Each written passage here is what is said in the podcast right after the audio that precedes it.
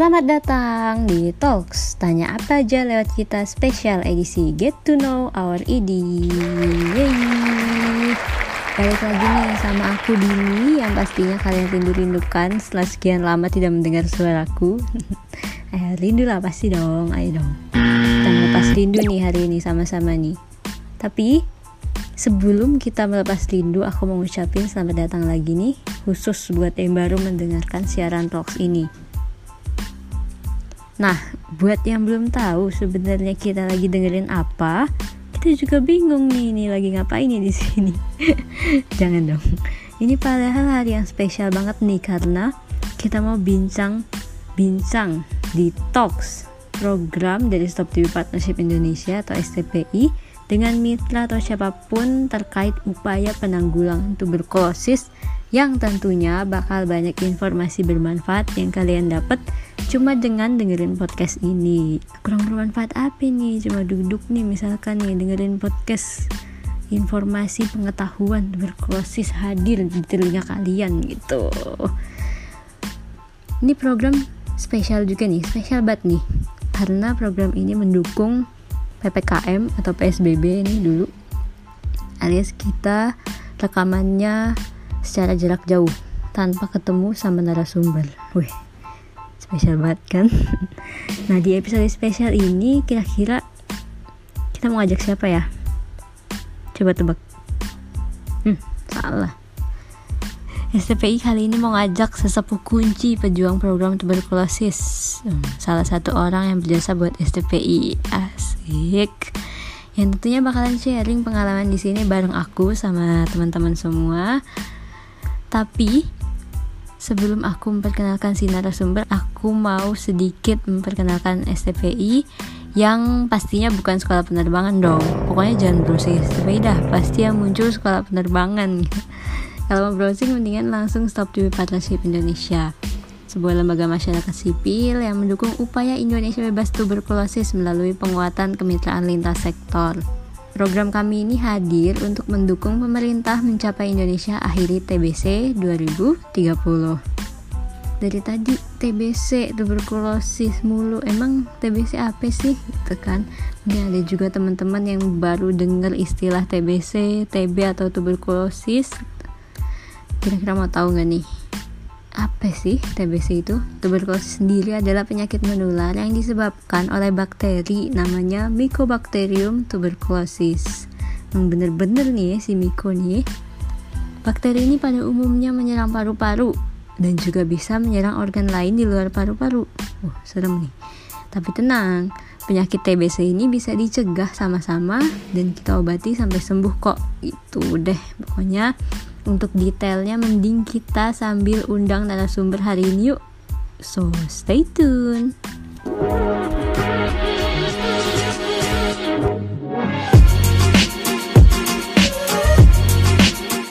Tanya apa aja lewat kita spesial hanya di kanal Stop TV Partnership Indonesia.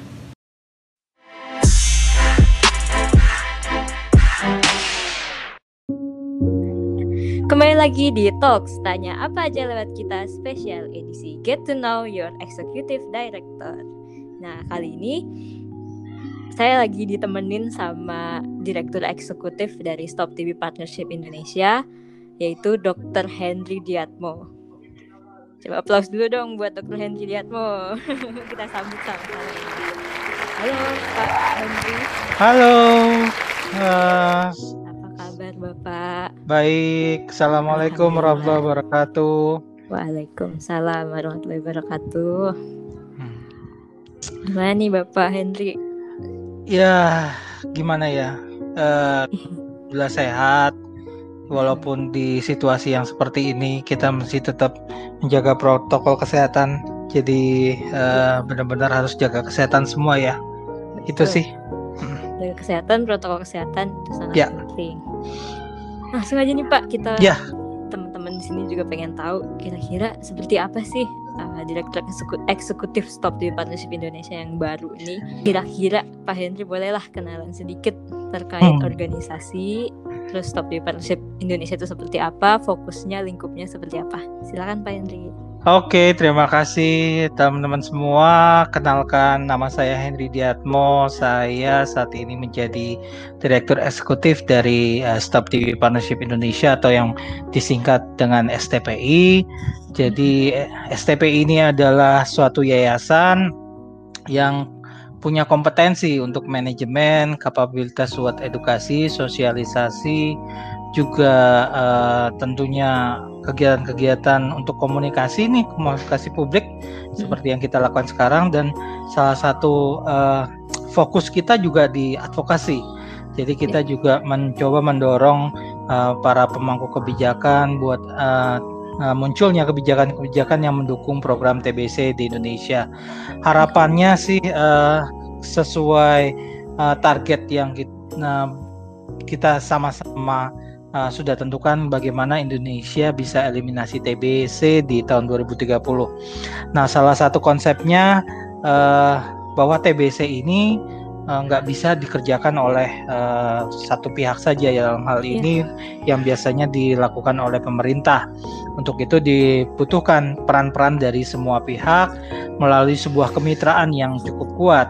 Nah, ini yang merupakan uh, visi dari STPI bagaimana bisa mewujudkan Indonesia yang bebas tuberkulosis melalui kemitraan yang kuat. Nah, itu adalah uh, uh, visi dari STPI sehingga dengan kemitraan semua pihak uh, TBC bisa kita berantas lah atau kita bebaskan di Indonesia ini. Walaupun bebannya semakin lama semakin uh, berat ya. Yeah. Tapi mudah-mudahan tidak ada yang tidak mungkin selama kita berupaya untuk menanggulanginya. Kalau bicara tentang STPI itu yang mungkin bisa saya sampaikan uh, lebih jauh bahwa STPI ini terbentuk yayasan ini terbentuk sejak tahun 2018 jadi hmm. masih tergolong baru uh, dan istilahnya masih berbenah untuk me menjadikan suatu uh, organisasi yang cukup kuat ke depannya. Itu uh, Dini mungkin awal dari perkenalan terkait dengan uh, STPI. Ya, di masa pandemi kayak gini kan pastinya kita harus bersama-sama ya Pak untuk ya. uh, mengakhiri tuberkulosis gitu untuk mencapai target kita di tahun 2030 gitu. Hmm. Yang sebelumnya cuma dipegang oleh sektor kesehatan jadi sekarang jangan hanya pemerintah saja tapi semua sektor gitu ya Pak. Betul betul. Jadi di luar kesehatan sekali. juga harus ya. Ikut. Semuanya harus terlibat ya. Kalau enggak ya hampir sama seperti pandemi COVID ini kan sekarang uh, tidak hanya di kesehatan yang bertindak, semua pihak bertindak hmm. harus juga ikut terlibat, termasuk sampai dari apa industri juga uh, terlibat ya. Jadi sampai TNI Polri pun juga ikut untuk uh, melibatkan diri dalam uh, upaya penanggulangan ini dan hmm. itu semua juga baiknya uh, juga berlaku di pengendalian TBC ya. di Indonesia. Udah saya penasaran juga nih kenapa TBC ini sangat berat untuk dieliminasi di Indonesia tapi sebelumnya saya hmm? pengen tahu dulu Dita gimana nih kisahnya Pak Hendri kan kalau dari informasi yang saya tahu nih dari informan Intel yang saya tahu ya. Pak Hendri sudah selama 14 tahun Iya tuberkulosis di Indonesia Iya kurang lebih segitulah ya cukup lama ya ya Boleh Pak ceritakan Baik jadi berawal dari uh, saat waktu saya mulai uh, setelah lulus di uh, kedokteran saya bertugas untuk PTT zaman dulu masih PTT ya sekarang sudah hmm. internship yep. uh, PTT kebetulan saya uh, bertugas di puskesmas waktu itu nah salah satu uh, puskesmas ya tempat penugasan saya itu hmm. menjadi uh, piloting atau istilahnya kayak semacam produk uh, program unggulannya adalah untuk TBC. Nah, okay. kebetulan dengan uh, sewaktu saya masuk saya langsung di, di ini ditunjuk untuk menjadi penanggung jawab untuk program ini. Nah, oh. dari situlah saya mulai terlibat uh, untuk uh, program TBC ini sampai set, uh, kurang lebih tiga tahun di PTT, kemudian mm -hmm. uh, balik ke Jakarta. Nah, di Jakarta uh, alhamdulillah langsung ada yang menangkap nih ceritanya yeah. waktu itu uh, kebetulan ada TV waktu itu ya KNCV itu adalah ya sekarang. ya sekarang YKI dulu masih KNCV mm -hmm. itu adalah uh, organisasi internasional yang memang fokus untuk TBC dengan pengalaman saya di daerah dan mereka langsung tertarik untuk di, merekrut saya menjadi uh, tenaga technical officer lah istilahnya buat pengendalian TBC di rumah sakit waktu itu atau di silahkan TOHDL Hospital Dodge Linked. Oh. Nah sejak itu saya ditempatkan itu PPTI itu singkatan dari Perkumpulan Pemberantasan Tuberkulosis Indonesia yang memang fokus untuk TBC terus uh, kurang lebih hampir tujuh tahun saya uh, berkecimpung di sana dan banyak uh, pengalaman serta uh, apa ya istilahnya upaya-upaya uh, yang sudah dilakukan. Dari hmm. situ saya mulai merasa bahwa kayaknya saya mulai menikmati uh, apa man dunia tuberkulosis. Dunia dan mulai mendalami lah dari pengalaman di situ saya mulai banyak uh, pelatihan juga pengalaman-pengalaman di apa baik di komunitas di layanan kesehatan dan juga banyak hal yang yang dapat dari selama saya bekerja di PPTI. Nah setelah itu yang menarik adalah uh, saya di berpindah organisasi ini ceritanya karena hmm. ada yang lain itu uh, di kebetulan di organisasi internasional juga yang namanya FAI 360 okay. dulu masih FA, uh, FAI itu saya ditempatkan untuk pengendalian TBC di penjara nah ini hal penjara. ini ya di hmm. penjara TB HIV juga jadi selain uh, TBC juga HIV-nya, terutama karena di penjara itu ternyata HIV-nya cukup tinggi. Dan apa kita bicara penjara kan sangat penuh ya. Terus yeah. uh, dan pasti sangat pasti, besar betul kemungkinan penularannya pak. Ini sangat tinggi di sana. Ya ya banyaklah uh, istilahnya tantangan-tantangan yang bisa menjadi kayaknya in, apa inspirasi dan juga inovatif inovatif apa yang dibutuhkan supaya uh, bisa penanggulangan TBC ini bisa wujud di penjara pada dengan okay. segala keterbatasannya gitu.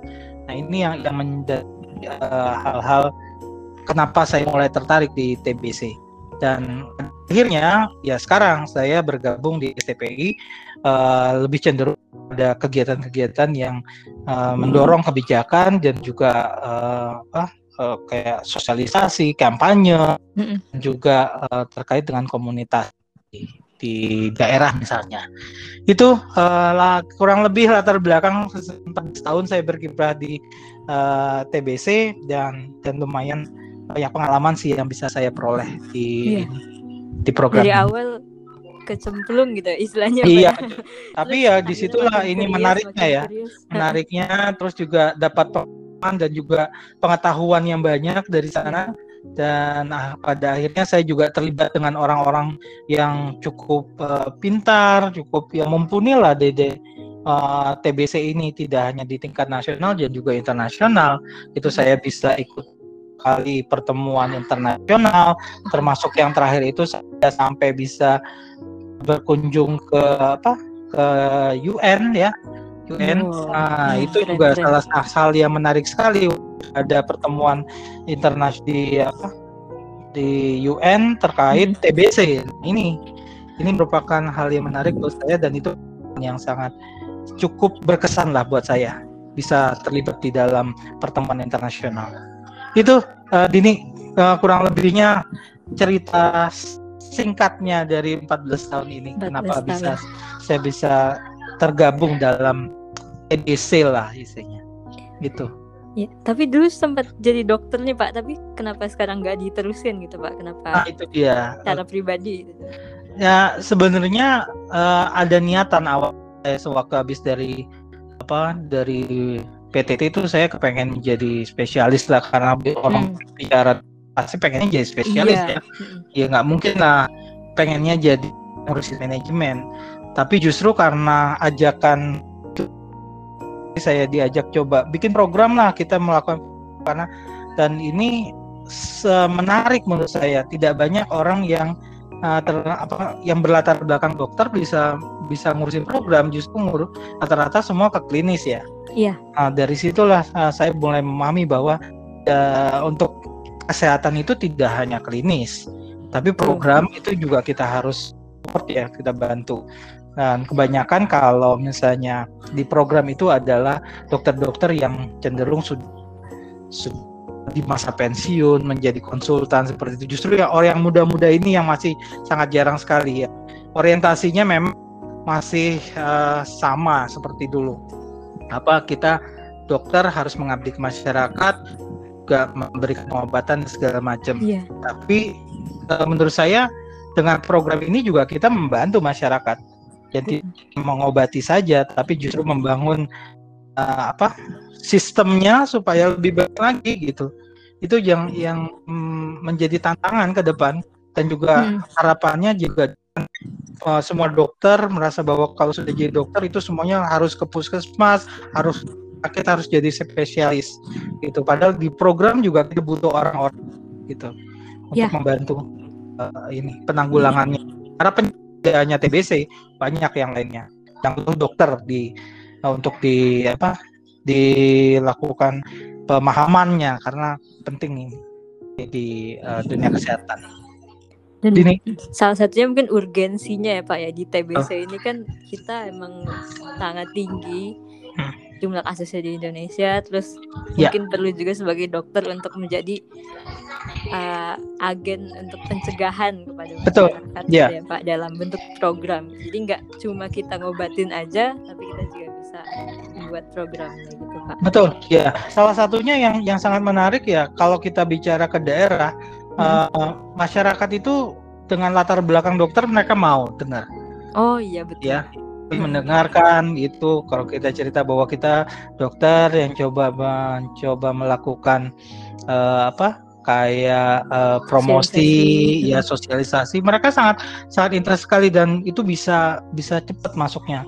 Dibandingkan kalau mereka harus ke puskesmas dengar dokternya sendiri juga sibuk buat ngobatin dan itu tidak yeah. sempat memberikan uh, apa link dan segala macam ya ini jadi kendala pada masyarakat butuh orang-orang yang bisa menyampaikan pesan-pesannya lebih banyak lagi ke masyarakat secara langsung ya mm-hmm. dibanding harus di uh, layanan kesehatan itu uh. tapi selain dari yang kisah 14 tahun tadi ada hmm? latar belakang tersendiri nggak Pak yang mendasari keinginan Pak Hendri buat mengabdikan diri dalam dunia TBC? Ya terus terang kalau saya memandang gini, uh, kita bicara lingkungan ya. ya. Kalau justru saya juga memahami uh, mengalami sendiri di di lingkungan baik lingkungan masyarakat atau lingkungan keluarga sendiri lah. Hmm. Ya, ternyata stigma atau uh, apa ya pemikiran yang salah terhadap ini masih sangat tinggi sekali. Hmm. Ya. Mungkin dasarnya karena informasinya yang belum nyampe ya. Jadi orang kalau sudah selalu ketakutan segala ya, macam. Kan kadang-kadang suka, suka dijauhi. Nah ini hal ini yang saya coba untuk membangun uh, pengertian kepada masyarakat dan lebih kepada keluarga sendiri karena yeah. keluarga terus terang keluarga saya ada beberapa yang terkena TBC saya oh. coba coba motivasi mm-hmm. walaupun ya kadang-kadang timbul stigma dari antar keluarga sendiri ini dia Betul. dijauhi segala macam dan ini cukup apa ya menurut saya dilema uh, buat kita sebagai orang dari program dan mungkin dari uh, klinisi itu bisa memberikan pemahaman kepada orang lain bahwa TBC itu tidak seperti yang mereka pikirkan ya. atau yang mereka informasi dapat dan tidak perlulah menjauhi atau istilahnya mengucilkan orang-orang yang sakit TBC. Itu yang yang yang penting buat semua bisa menyampaikan pesan-pesan ini kepada uh, orang-orang uh, terdekat di kita. Oke. Okay. Berarti memang dari orang terdekat terlebih dahulu ya Pak. Ya, Ada betul. keluarga yang terkena tuberkulosis, jadi Bapak tuh pengen gitu untuk hmm. ini tuh bukan penyakit yang harus distigma gitu. Ya. Semua penyakit tidak ada yang mesti distigma. Jadi kita semua pasti sembuh lah dari tuberkulosis. Betul. Hmm. Itu yang yang kita coba, selalu kita coba walaupun tidak gampang ya. Iya, karena, ya, karena terus terang uh, uh, lebih percaya kepada kata orang nih kalau saya bilang kebanyakan orang bisa percaya kata orang begini begitu iya, iya. itu tidak benar katanya gitu, gitu ya katanya Pak. nah bisa, kalau kita bicara teori nggak seperti Tuh ya kan seharusnya tidak perlu ada stigma atau diskriminasi di buat pasien TBC.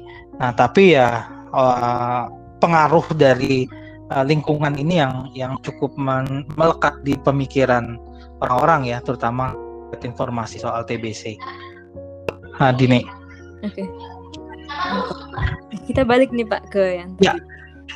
Menurut Pak Henry dari dan dari pengalaman yang 14 tahun tadi, kira-kira sebenarnya kenapa sih Pak TBC ini sulit banget kita eliminasi di Indonesia gitu. Bahkan di dunia kan ya, dari udah dari beberapa abad yang lalu gitu kan. Iya, Masih betul. aja aja tuberkulosis sampai sekarang gitu. Kira-kira sulitnya di mana sih Pak? Nah, sulitnya memang kalau menurut saya pemahaman ya, pemahaman oh, orang terkait TBC ini yang masih salah. Walaupun informasinya sudah wow, gencar dikasih lewat media sosial, lewat mm. penyuluhan, tapi pemahamannya ini berubah gitu loh. Masih punya pemikiran yang salah terkait TBC. Dan juga uh, memang sampai saat ini kan pengobatannya cukup lama ya. Iya. Jadi belum yang uh, singkat. Kalau bicara pengobatan orang ya namanya orang wajar kalau memang mereka maunya uh, instan Iya, mau cepat sembuh gitu cepet ya, sembuh, nggak perlu lah lama-lama. Kalau bisa cukup minggu minum obat selesai gitu kan sembuh hmm. apalagi kalau sudah nggak ada gejala batuk nggak ada apa apalagi oh udah sehat gitu kan yeah. nah ini pemahaman seperti ini yang perlu ditingkatkan kepada semua orang bahwa uh, eh, TBC ini penting buat dikendali atau ditanggulangi gitu dan ini uh, apa namanya um, informasi-informasi yang disampaikan juga harus benar kepada masyarakat, jangan yeah. masih yang salah. Apalagi kalau timbul hoax dan segala macam. Nah ini berbahaya sekali buat penanganan TBC di ya tidak hanya di Indonesia tapi di dunia ya. Hmm. Ini yang yang yang perlu kita samakan. Dan kembali lagi bahwa stigma dan diskriminasi ini yang muncul masih muncul di masyarakat. Terlebih kan penularannya gampang ya pakai lewat udara terus apa namanya cuman lewat batuk dan segala macam dan kadang-kadang gejalanya juga nggak ada gitu iya betul nah, nggak ada gejala apa-apa ternyata dia sakit tiba-tiba dicek TBC ya, nah, gitu ini hal seperti ini juga kan membingungkan juga masyarakat. Mungkin karena informasinya belum uh, banyak yang tahu seperti itu. Nah, kalau kita bandingkan dengan yang uh, apa program yang dulu di mana dulu ada kayak apa sanatorium ya. Yeah. Nah kan uh, itu memang sebenarnya sanatorium itu baik ya. Artinya memang pengobatannya dikontrol, di apa, diawasi segala macam sampai dia sembuh. Nah kalau sekarang kan tidak ada sanatorium, semua bisa uh, apa bebas, nah berobat mm -hmm. jalan gitu. Tapi mm -hmm. kontrolnya ini yang kadang-kadang agak sulit, ya kan? Kadang minum obat, kadang enggak gitu kadang alasannya lupa lah segala macam dan ini kan berbahaya sehingga yeah. timbul yang nanti ada resisten obat segala macam nah tapi sayangnya kalau dengan adanya sanatorium ini kan berdampak pada kembali lagi kayak tadi ada stigma, stigma lagi ya pak? Stigma lagi gitu loh. Jadi kalau udah ngeliat sanatorium wow semua akan takut deket-deket situ nggak mau deket-deket karena takutnya nanti tertular segala macam nah jadi ini sanatorium itu sebuah tempat yang digunakan khusus terpusat untuk uh, pengobatan. Iya, pengobatan TBC. Betul. Tuberkulosis ditempatkan di sana terus dikontrol semua pengobatannya segala macam itu untuk teman-teman yang sampai tahu. sembuh. Hmm, Betul, sampai sembuh. Ya, memang dari sisi pengobatan itu bagus, tapi dari hmm. sisi lingkungan dan sosial juga apa namanya emosi atau psikologisnya nanti itu ya, yang betul, yang berdampak ya, buruk sama pasiennya ya terutama ya. Apalagi kalau nanti oh dia mantan ini pasien sanatorium. Oh, orang udah hmm. menganggapnya kayak mantan narapidana gitu kan. Betul. Iya kan? Bahkan Jadi, keluarga juga bisa kena ya, Pak ya. Maksudnya kayak bisa. oh anaknya ke sanatorium nih gitu. Hmm. Keluarganya iya. ada apa-apa gitu. Iya, nanti kan itu jadi jelek ya. ya. stigma jelek gitu loh. Orang udah menganggap uh, buruk di lingkungannya gitu. Nanti bisa dimusuhi atau dijauhi lah. Itu yang yang nanti akan uh, berdampak kepada psikologis si pasiennya sendiri. Itu. Oke. Okay. Itu yang yang berat. Dan makanya ini sampai sekarang memang agak sulit karena informasi-informasi yang disebarkan masih kalah dengan uh, apa hoax-hoax yang timbul yeah. di di ini di apa di merajalela di masyarakat gitu loh. Terlebih ada yang merasa bahwa oh kena oh ternyata masih ada TBC gitu. Nah, sebenarnya iya, bukan juga. bukan bukan ini ya, bukan apa namanya eh, tidak tahu informasi. Mereka menganggap bahwa sudah sekian lama kok TBC masih ada gitu. Nah, Iya. Hmm. ya kan? Hmm. Eh, padahal udah diobatin segala macam ya. Cuman mereka yang tidak berpikir bahwa TBC itu bisa menular melalui udara gitu loh. Orang-orang yang sakit TBC itu bisa tertular gampang, tapi mereka nggak sadar kalau dia sakit. Dan Iya. mereka lebih cenderung bisa ingin mengobati sendiri dengan cara instan yang tadi gitu. Jadi Padahal satu- Pengobatannya aja udah beda banget ya Pak sama dengan Iya. batuk biasa gitu. Iya, batuk biasa. Hmm. Nah, ini yang yang kadang-kadang su- sulit untuk kita uh, kasih pengertian. Contoh misalnya uh, kalau kita bicara TBC kan kolang berjala adalah kalau dia batuk dua minggu dia berdahak ya. Iya. Nah, pada saat dia seperti itu dia anggaplah oh dia tidak menolak atau tidak istilahnya uh, menjas uh, menghakimi bahwa oh saya nggak ada nggak mungkin lah saya kena TBC orang saya orang kaya kok orang sehat lingkungan saya bersih segala macam kenapa bisa? Nah TBC TBC itu kan buat orang yang miskin yang lingkungan kumuh dan segala macam kan. Nah, apa itu yang nggak dia sadari padahal seharusnya dengan ada gejala seperti itu dia memeriksakan bahwa dia bisa terkena TBC sebenarnya Iya. jadi pandangan-pandangan pengertian tentang TBC ini yang masih kurang di masyarakat. Terus dia melakukan pengobatan sendiri. Nah ini juga jadi masalah. Dengan dia batuk, dia beli obat sendiri, terus nanti dia sudah enakan, ya udah dianggap dia nggak ada masalah, bukan TBC ini sih.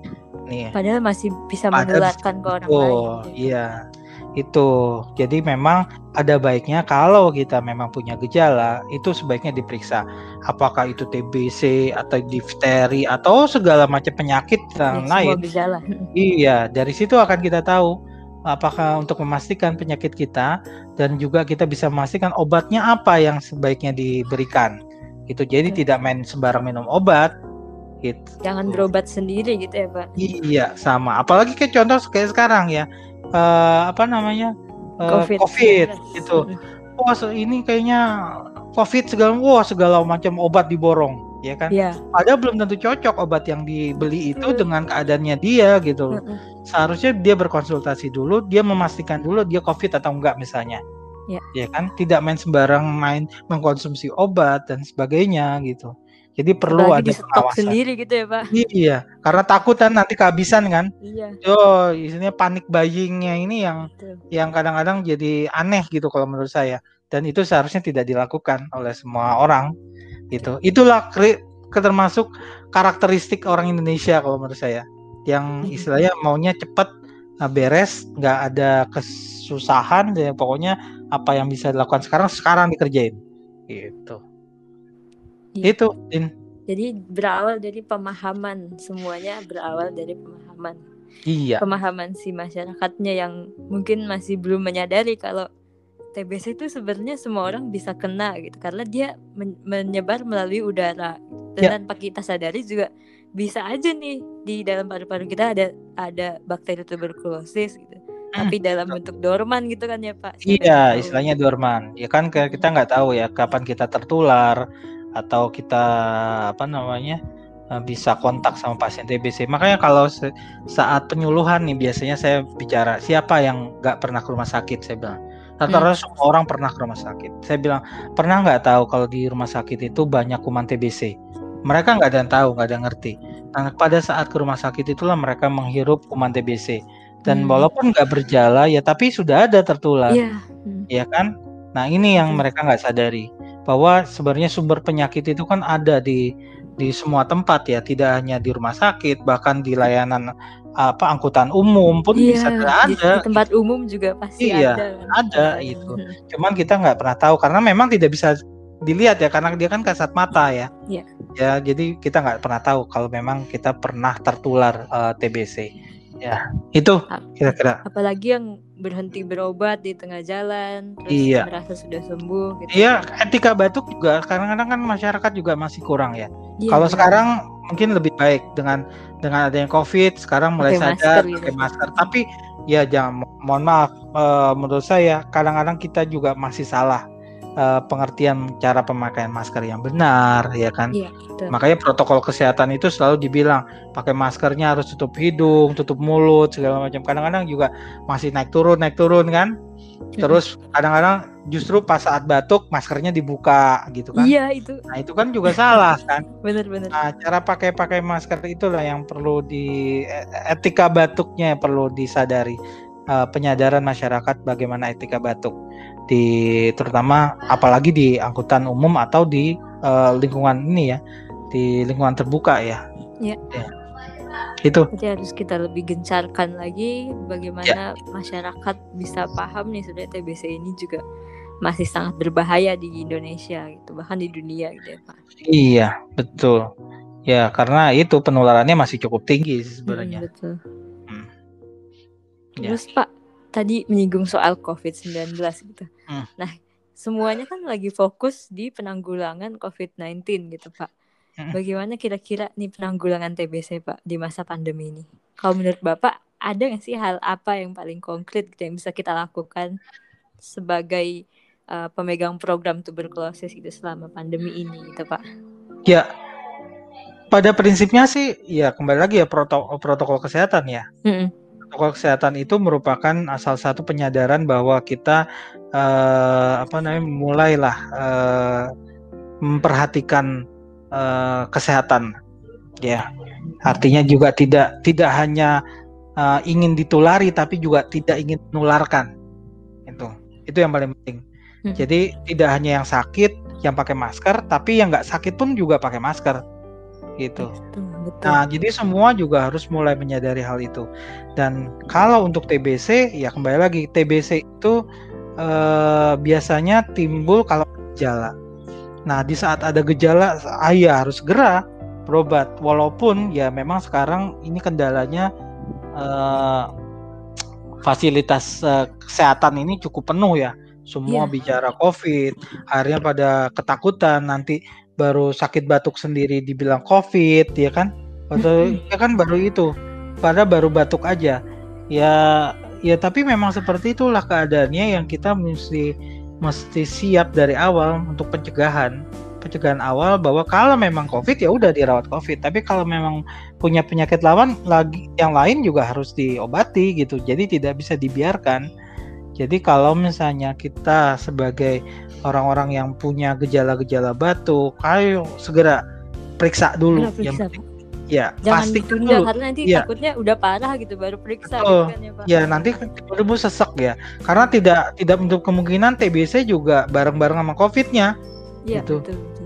Dan Eh, bisa lebih parah gitu Pak. kalau Justru akan memperburuk. COVID. Hmm. memperburuk memperburuk kondisinya dengan adanya TBC dia juga kena COVID, itu kan tandanya paru-parunya benar-benar diserang. Ada Nah, bakteri, ada virus juga gitu. Betul. Jadi ini jadi sangat tragis sekali dan ah- pada akhirnya bisa menyebabkan kematian. Nah, hal-hal seperti inilah yang perlu dipahami oleh masyarakat. Eh, setiap ada keluhan atau gejala-gejala sakit, ayo segera eh, periksakan diri supaya kita tahu sebenarnya penyakit apa yang kita alami. Dan Hmm. dari situ kita juga harus pastikan obat apa yang cocok untuk di kita konsumsi. Itu jadi tidak main sembarang minum obat ya. Nah, nanti salah minum obat justru berakibat pada eh, resisten obat dan Iya, sebagainya. resistensi. Hmm. Iya, itu yang yang paling eh, penting buat kita lakukan sekarang. Kalau menurut saya ya, konkret pencegahan utama Hmm. pakai masker yang sem- yang sehat, yang Ya. sakit semuanya pakai masker. Dan satu lagi adalah pengobatannya harus tetap berjalan ya Pak. ya. betul. Meskipun di masa pandemi COVID-19 ini. Ya. Gitu. Ya, itu nggak boleh berhenti pengobatan karena kalau pengobatan kita berhenti dengan alasan, wow di rumah sakit penuh, ini berakibat pada itu putus pengobatan nantinya. Dan itu bisa berbahaya kalau timbulnya resisten obat buat pasien TBC. Ya tahu sendiri bahwa resisten obat selain biayanya lebih besar, Hmm. waktunya lebih lama, efek sampingnya lebih berat, Ya. dan juga Obatnya tentunya lebih banyak ya Pak. Iya lebih banyak dan itu justru bisa berdampak yang lebih berat lah buat uh, si pasien itu sendiri. Juga Dan keluarganya gitu. Dan agak sulit buat uh, mencapai kesembuhan kalau benar tidak ada uh, apa ya istilahnya semangat untuk uh, berobat gitu loh. Karena nanti uh, apa semangatnya tuh bisa turun gitu dengan dengan segala kendala kendala-kendala yang dialami oleh uh, si pasien sendiri gitu baik dari sisi ekonomi juga dari sosial juga dari apa pengobatannya sendiri itu uh, dini paling yang yang bentuk konkret yang bisa kita lakukan adalah bagaimana uh, menjaga agar tetap pengobatan dan juga pencegahan di iya. masa-masa COVID ini. Ya Pak, hmm. betul Pak. Jangan lupa juga buat tetap uh, jaga kesehatan dengan perilaku hidup bersih dan sehat gitu ya Pak ya. Iya betul. terus makan yang sehat, ya. gizi, gitu. Hmm. jangan lupa berjemur ya. Jemur, aktivitas fisik gitu. Iya. Gitu, Pak. Betul. Semuanya kayak Jemur. tercegah gitu. Iya. Itu sebenarnya sudah sudah sejak dulu apa upaya-upaya seperti itu dilakukan untuk TBC gitu loh. Hmm. Tapi sayangnya belum semua paham betul karena dia ah ini ya, nggak ya, penting lah gitu loh Nah, setelah ada COVID ini baru mereka merasa penting gitu. Yeah. Tapi yang yang mereka lakukan adalah untuk mencegah agar tidak tertular COVID. Padahal di samping COVID juga ada TBC di situ kan. Iya, tapi ya ya cukup inilah pengaruh baik lah buat uh, upaya masyarakat bisa berubah perilakunya untuk lebih sehat lagi. Iya, mungkin anggapannya kalau di TBC itu dia karena efeknya itu masih lama gitu ya Pak ya. Hmm, hmm. Terus jadi dia nggak ngerasa sekarang gitu kalaupun sakit. Jadi mereka kayak santai-santai aja dulu. Iya gak, betul gak tahu iya. TBC ini sebahaya itu mm ke depannya. Iya. Nah terus kalau kita banding dengan COVID juga ya kalau pengobatannya kan uh, dengan cobalah dengan isoman isoma isolasi mandiri misalnya hmm. dengan 14 hari langsung oh dibilang sembuh ya kan. Tapi kalau TBC ya dia harus enam bulan. Enam bulan harus. Iya kan lama sekali. Nggak ya. boleh putus. Nah ini kan jadi jadi permasalahan kan. Kalau enam bulan nanti gimana mau kerja gimana iya, mau jalan-jalan ke mall atau gimana. Nah ini kan jadi kayak kendala ya secara psikologis di pasiennya atau di orang orang yang kesannya kayak nggak kepengen gitu loh terkena hmm. TBC atau iya, justru harus dicegah nggak mau mengakui bahwa dia sakit TBC gitu. Nah, itu gitu. jangan sih itu. Nah itu. iya kayak tetap harus mencegah, menjaga diri dan menjaga sesama. Ya, ya, kita sama-sama menjaga itu. Hmm. Kalau ini Pak, selama menjalani program selama 14 tahun tuh ada nggak sih Pak kisah atau pembelajaran yang paling membekas tuh dalam hidup Bapak? Ya. Selama menjalani program tuberkulosis di Indonesia. Kalau pembelajaran atau pengalaman ya, pengalaman hmm. yang cukup baik yang menurut saya adalah uh, ini yang sangat berkesan waktu waktu saya bekerja untuk yang ini TBIV di penjara. Itu. Hmm. itu sangat ini sekali. Di mana sangat apa ya e, gimana cara kita membantu orang-orang yang di penjara ya. Walaupun ya terlepas dari latar belakang mereka ya misalnya kejahatan atau apalah istilahnya. Tapi mereka juga uh, uh, masyarakat yang seharusnya harusnya kita bantu untuk uh, jangan sampai sakit ya ya kan. Sedangkan kondisi di penjara itu sangat-sangat penuh sekali. Bahkan untuk tidur pun mereka harus tidurnya duduk. Mereka nggak bisa tidur apa namanya selonjoran itu nggak bisa. Ya kan sekarang sangat penuhnya. Jadi padat kalau saat ya, wah padat banget. Dan bahkan kalaupun ya ada mau tidur tidurnya bertumpuk ataupun bisa jadi bergantian. Ya kan. Ini ini coba coba kita pahami supaya bahwa di saat kita punya waktu atau kesempatan untuk berobat di situ kita manfaatkan. Betul. Nah, dengan mereka dengan segala keterbatasannya, mereka harus juga uh, sehat gitu loh, dengan harus me, apa, menjaga jangan sampai mereka terkena TBC kan. Karena artinya ya udah nanti kalau satu TBC ya semua nanti bisa kena TBC.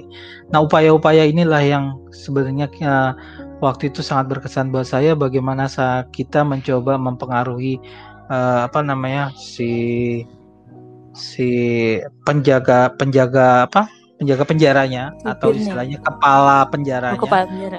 ya kepala penjaranya supaya bisa paling tidak membantu meluangkan atau memberikan tempat atau ruang kalau dia kena TBC dia dipisahkan gitu jadi jangan sampai menularkan ke yang lain mereka harus dipantau pengobatannya mereka harus juga didukung apa uh, gizinya dan segala macam. Nah contoh yang juga uh, saya dapat dan juga ini pengalaman yang cukup baik ya saya uh, kalau tidak karena TBC saya mungkin tidak pernah merasakan menginjakan kaki di Nusa Kambangan itu Nusa Kambangan. jadi iya Nusa Kambangan kan kita tahu sendiri ya itu memang uh, pulau yang memang terfokus untuk uh, penjara situ kan ya. Tidak hmm. ada akses yang lain hanya untuk memang di sana banyak penjara. Dari situlah karena ada TBC, saya uh, diberikan kesempatan untuk melihat penjara-penjara di sana hmm. yang bagaimana kondisi mereka supaya mereka bisa uh, tidak sakit TBC lah atau upaya penanggulangan TBC di sana.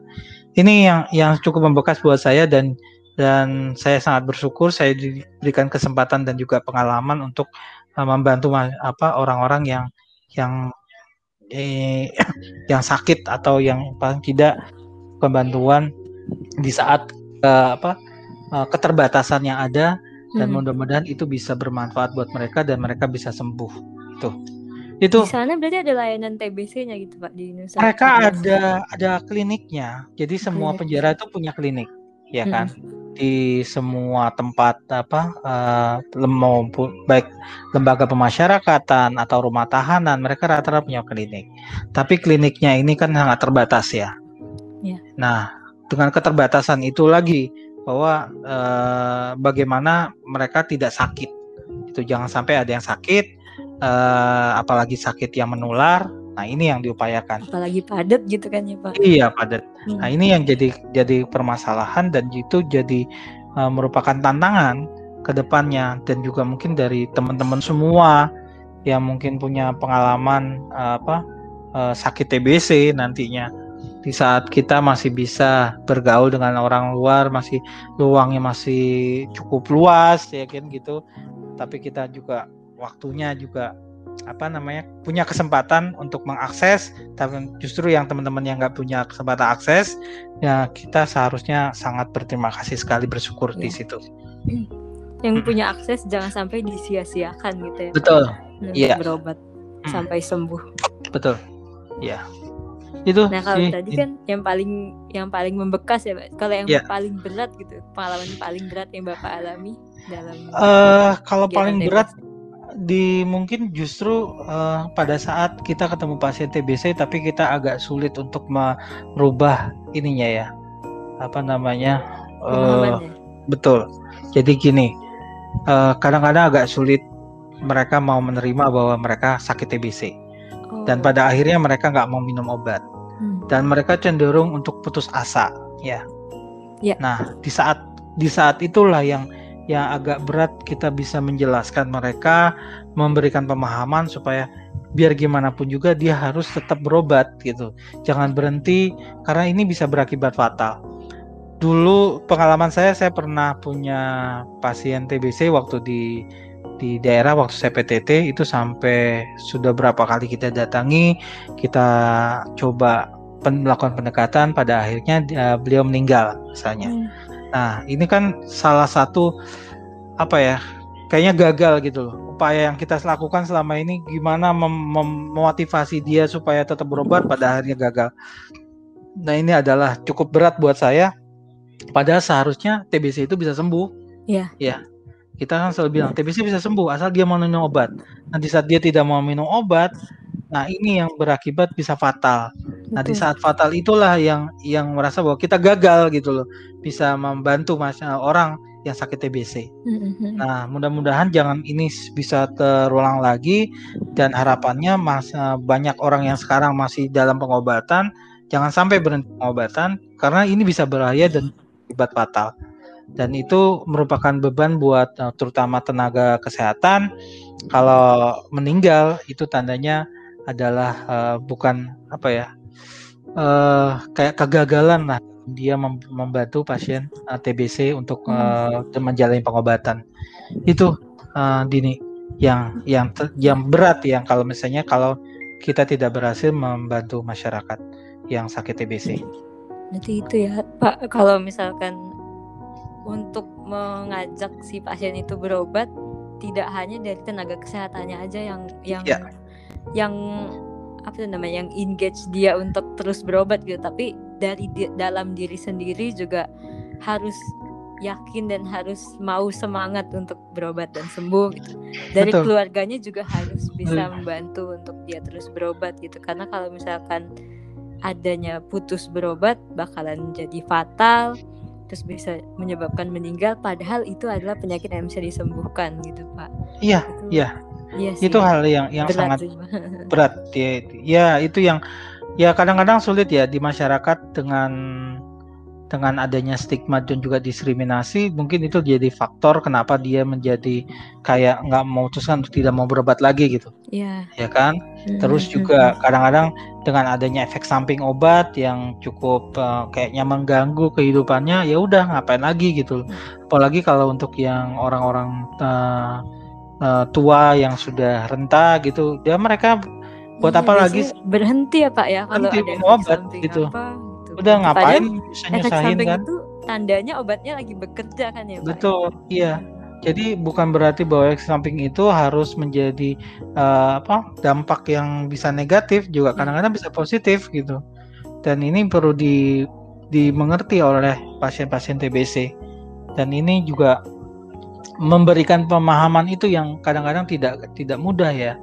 eh, buat ke apa pasien TBC Hmm. itu Kalau ini Pak ada nggak sih Pak yang mau Bapak sampaikan nih ke para pendengar kita semua gitu dari Mhm. kisah Bapak untuk dalam penanggulangan tuberkulosis selama 14 tahun ini Mhm. ada nggak yang Bapak mau pesankan biar mereka tuh tergugah gitu biar kita semua tergugah untuk bisa ikut dalam upaya penanggulangan tuberkulosis gitu Pak. intinya begini apa TBC itu bisa menular secara mudah karena dia melalui udara ya. Tapi sebenarnya semua bisa dicegah kalau hampir sama dengan COVID kalau kita bisa menerapkan protokol kesehatan dan kalau misalnya kita sudah ada gejala sih kita harus segera memeriksakan diri. Hmm. Dengan uh, memeriksakan diri dan kita tahu bahwa kita sakit TBC, kemudian kita minum obat itu adalah pencegahan yang paling utama. Itu untuk bisa mencegah uh, agar keluarga kita tidak tertular misalnya. Ya. Nah, dari situlah awal uh, bagaimana kita bisa menghentikan atau bisa mengeliminasi TBC ini. Nah, kemudian baru kita bicara ke pengobatannya. Kita nggak boleh putus pengobatan karena sesungguhnya TBC itu bisa disembuhkan. Jadi pemahamannya walaupun waktunya lama, ya sekarang itu kan sedang ada penelitian uh, bagaimana uh, obat itu bisa lebih diperpendek lah yang tadinya uh, bulan. ya? sebenarnya justru awalnya tuh lebih dari setahun ya ini ya. Oh, wah. Ya, lebih dari Bahkan setahun. TBC biasa juga setahun. Lebih dari setahun. Dulu itu lebih dari setahun terus Mhm. akhirnya ditemukan obat dengan yang namanya dots itu jadi enam Hmm. bulan. Nah ada apa eh, penelitian yang sekarang sedang dicoba gimana kalau bisa lebih diperpendek lagi misalnya jadi tiga bulan bahkan bisa satu bulan gitu. Nah ini mudah-mudahan bisa ke Nabi depan. ya ya, sholat Betul. banyak terus dipotong-dipotong. Iya, yang ya pa- pada pada prinsipnya yang penting kuman itu semua hilang atau istilahnya Iya. dibunuh dan juga bersih gitu. Dengan semakin cepat memang eh, semakin baik gitu. Jadi jangan sampai kita menunggu eh, kondisi sudah berat karena itu Hmm. akan mempersulit pengobatannya. Nah, dengan ya kembali lagi hampir sama kayak misalnya bicara kanker ya. Iya. Kalau stadiumnya lebih awal itu akan lebih bagus gitu ya dibuat pengobatannya. Tapi kalau sudah stadiumnya sudah cukup be- apa tinggi. sudah tinggi, nah ini akan sulit. Baru akses pengobatan sulit. Ya, Pak. nah ini akan sulit pengobatannya. Ini juga berlaku. Terus juga ya mudah-mudahan nih eh, sekarang kita lagi meng- apa mencoba untuk mendengar atau menunggu penelitian-penelitian terkait vaksin buat eh, tidak hanya. COVID ya, tuberkulosis. Mudah-mudahan ada nanti vaksin-vaksin buat tuberkulosis nih. Tapi tetap dewasa ya, iya buat Hmm. tapi kembali lagi bahwa vaksin ini bukan untuk eh, apa eh, mm, memastikan bahwa kita tidak akan tertular. Ya sama seperti COVID. Pasien yang COVID divaksin bukan eh, apa kita divaksin anti COVID bukan berarti kita tidak akan tertular, tapi kita akan eh, ter apa ya mencegah untuk kita menjadi eh, berat atau Hmm. istilahnya memperburuk kondisi kalau kita kena COVID gitu. Jadi kita kita tetap eh, fit dan juga tidak menjadi yang lebih fatal lagi. Iya. Ini ini yang mencegah yang paling kefatalan ya Pak. sih. Betul. Hmm. Ya, terus juga yang kembali lagi bahwa coba bantu masyarakat kita juga me- mem- merubah adanya pemikiran terhadap eh, apa pemikiran negatif terhadap TBC Ya. dengan memberikan informasi yang ba- baik dan benar masyarakat supaya tidak ada lagi yang namanya stigma dan juga diskriminasi ke- eh, kepada pasien TBC. Betul. Dengan demikian, semua orang akan merasa bahwa uh, tidak ada lagi ketakutan kalau dia menyatakan bahwa dia sakit TBC, sehingga dia bisa menjalani pengobatannya dengan baik dan juga uh, bisa sembuh nantinya. Oke. Itu mungkin pesan dari saya dan juga kembali lagi uh, TBC tidak bisa diselesaikan oleh kesehatan aja, tapi semua pihak harus ikut berperan, Uh, ikut andil dengan be- apa pun bentuknya. uh, minimal adalah memberikan informasi yang benar kepada uh, orang lain. Itu. orang terdekat juga bisa jadi salah satu upaya kita ya Pak buat mengakhiri tuberkulosis. Iya. Jadi, Jadi- sesimpel apa pun upaya yang bisa kita lakukan Hmm. kayak misalkan ngasih tahu dengan informasi yang benar ke orang terdekat itu sebenarnya udah sangat membantu Iya, eliminasi tuberkulosis di Indonesia. Iya, iya. Itu paling yang bisa eh, di ini ya dimotivasi buat eh, semua pendengar, teman-teman semua. Eh, jadi kembali lagi bahwa TBC ini eh, bisa disembuhkan dan jangan takut akan TBC. Sama-sama kita bantu supaya Indonesia bisa bebas dari TBC. Gitu. Insya Allah bisa lah bebas dari tuberkulosis. Amin. Amin. Ya. Nah, kalau ini Pak terakhir, Mm. apa yang bakalan Bapak lakukan selama masa kepe- kepemimpinan Pak Henry di STPI ini sebagai Ketua Stop Partnership Indonesia? Ya, kalau sebagai direktur eksekutif, ini sebenarnya yang saya akan lakukan adalah ya yang pasti pendek- apa, penguatan di organisasi ya. Hmm. Karena kita juga masih organisasi yang baru dan juga mencoba memperkuat eh, apa dari sisi manajemen juga hal-hal yang lain juga ke tenaga SDM-nya terus juga juga dan juga yang paling penting adalah sistem pendanaan. Jadi Hmm. nanti eh, adanya fundraising dan segala macam. Nah, itu kalau secara organisasi. Ya, selain di internal juga ada harus ada eksternal. Ini juga eh, kita tentunya perlu mempertam, memperkuat lagi em, hubungan dengan mitra-mitra baik di nasional maupun internasional ya. Dengan hubungan yang baik inilah maka kita bisa bersama-sama membantu atau istilahnya mendukung pemerintah buat program TBC di Indonesia ini. Itu eh, secara garis besarnya yang nanti ke depan eh, akan saya lakukan untuk STPI. Dan program-program apa yang akan dilakukan mungkin nanti akan kita sesuai dengan kita sesuaikan dengan kondisi nanti dan juga eh, apa inovasi-inovasi apa yang kita kita lakukan untuk TBC ini. Itu Dini. Kita nantikan saja Pak ya. Apa Iya, jangan sekarang di ini dulu ya, di dibocorin dulu ya. Iya Nanti, rahasia nanti, ya. nanti kalau sudah ada, nanti kita bareng-bareng sama-sama kita mengajak semua pihak buat mau kerjasama lah paling nggak membangun eh, program ini menjadi lebih baik lagi. Gitu. Karena kembali lagi STPI kemitraan menuju Indonesia bebas tuberkulosis. ya. Iya, Mitra kemitraan. ya. Iya. Kemitraan mitranya. adalah yang Jadi- Jadi bukan STPI yang punya kegiatan sendiri atau program sendiri ya, tapi kita bersama-sama membangun program ini eh, lebih baik lagi. Oke. Hmm. Oke deh, baik. Pak Hendri, terima kasih banyak atas waktunya Sama-sama, Dini. informasi tuberkulosisnya. Ya, sama-sama. Terima lagi. kasih banget yang buat sudah mendengarkan eh, acara ini. Semoga ini bisa bermanfaat buat kita semua, terutama buat Amin. saya. Dan kalau memang ada salah-salah kata, mungkin nanti eh, eh, eh, itu adalah dari saya dan juga mau saya minta maaf jika ada hal yang kurang berkenan. Di ya Kasih itu. Baik, kita semua bisa uh, menanggulangi tuberkulosis dari hal sekecil apa pun gitu ya, Pak. Ya. Kalau mau join STPI bisa juga Pak ya jadi mitra. Bisa, bisa, bisa banget, bisa banget. paling tidak ikut eh, menjadi apa eh, bagian dari media sosial kita ya. Ya, uh, di kita punya media sosial kunjungi di ya di Instagram, Instagram di ada Facebook, Stop TV ya, di- Indonesia, Twitter, Facebook gitu ya, Pak ya. iya iya Kita gitu. juga ada website, jangan lupa. Kita juga punya website. stoptvindonesia.org. banyak informasi yang kita sampaikan di sana mungkin mudah-mudahan juga bisa bermanfaat buat uh, para pendengar semua Betul. Ya. Jadi bahan untuk disebarkan nih ke masyarakat apa Betul. nih pemahaman yang bisa diberikan terkait tuberkulosis ke keluarga terutama. Ya. nih Pak, terakhir banget ada sesi Ya. jawab cepat. Ya. Jadi ini ada nanti saya sebutin Hmm. dua pilihan, nanti Bapak pilih jawaban yang paling cepat. Ya. Oke, kita mulai ya. Pertama, serius atau santai? serius Serius. Profit atau non profit? non profit Non profit. Program daerah atau program nasional?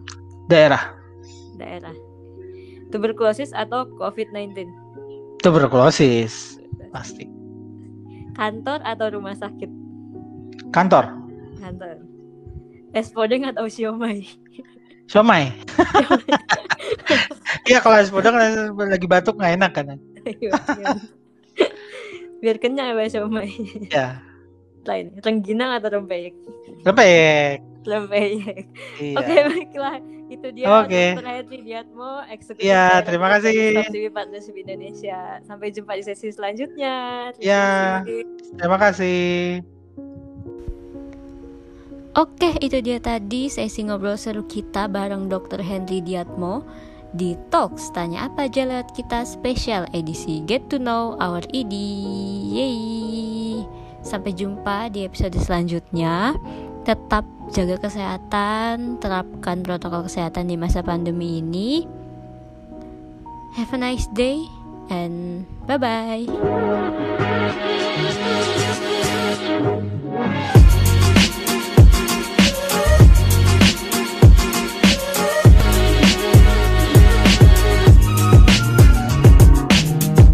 Podcast kali ini dipersembahkan oleh Stop TB Partnership Indonesia.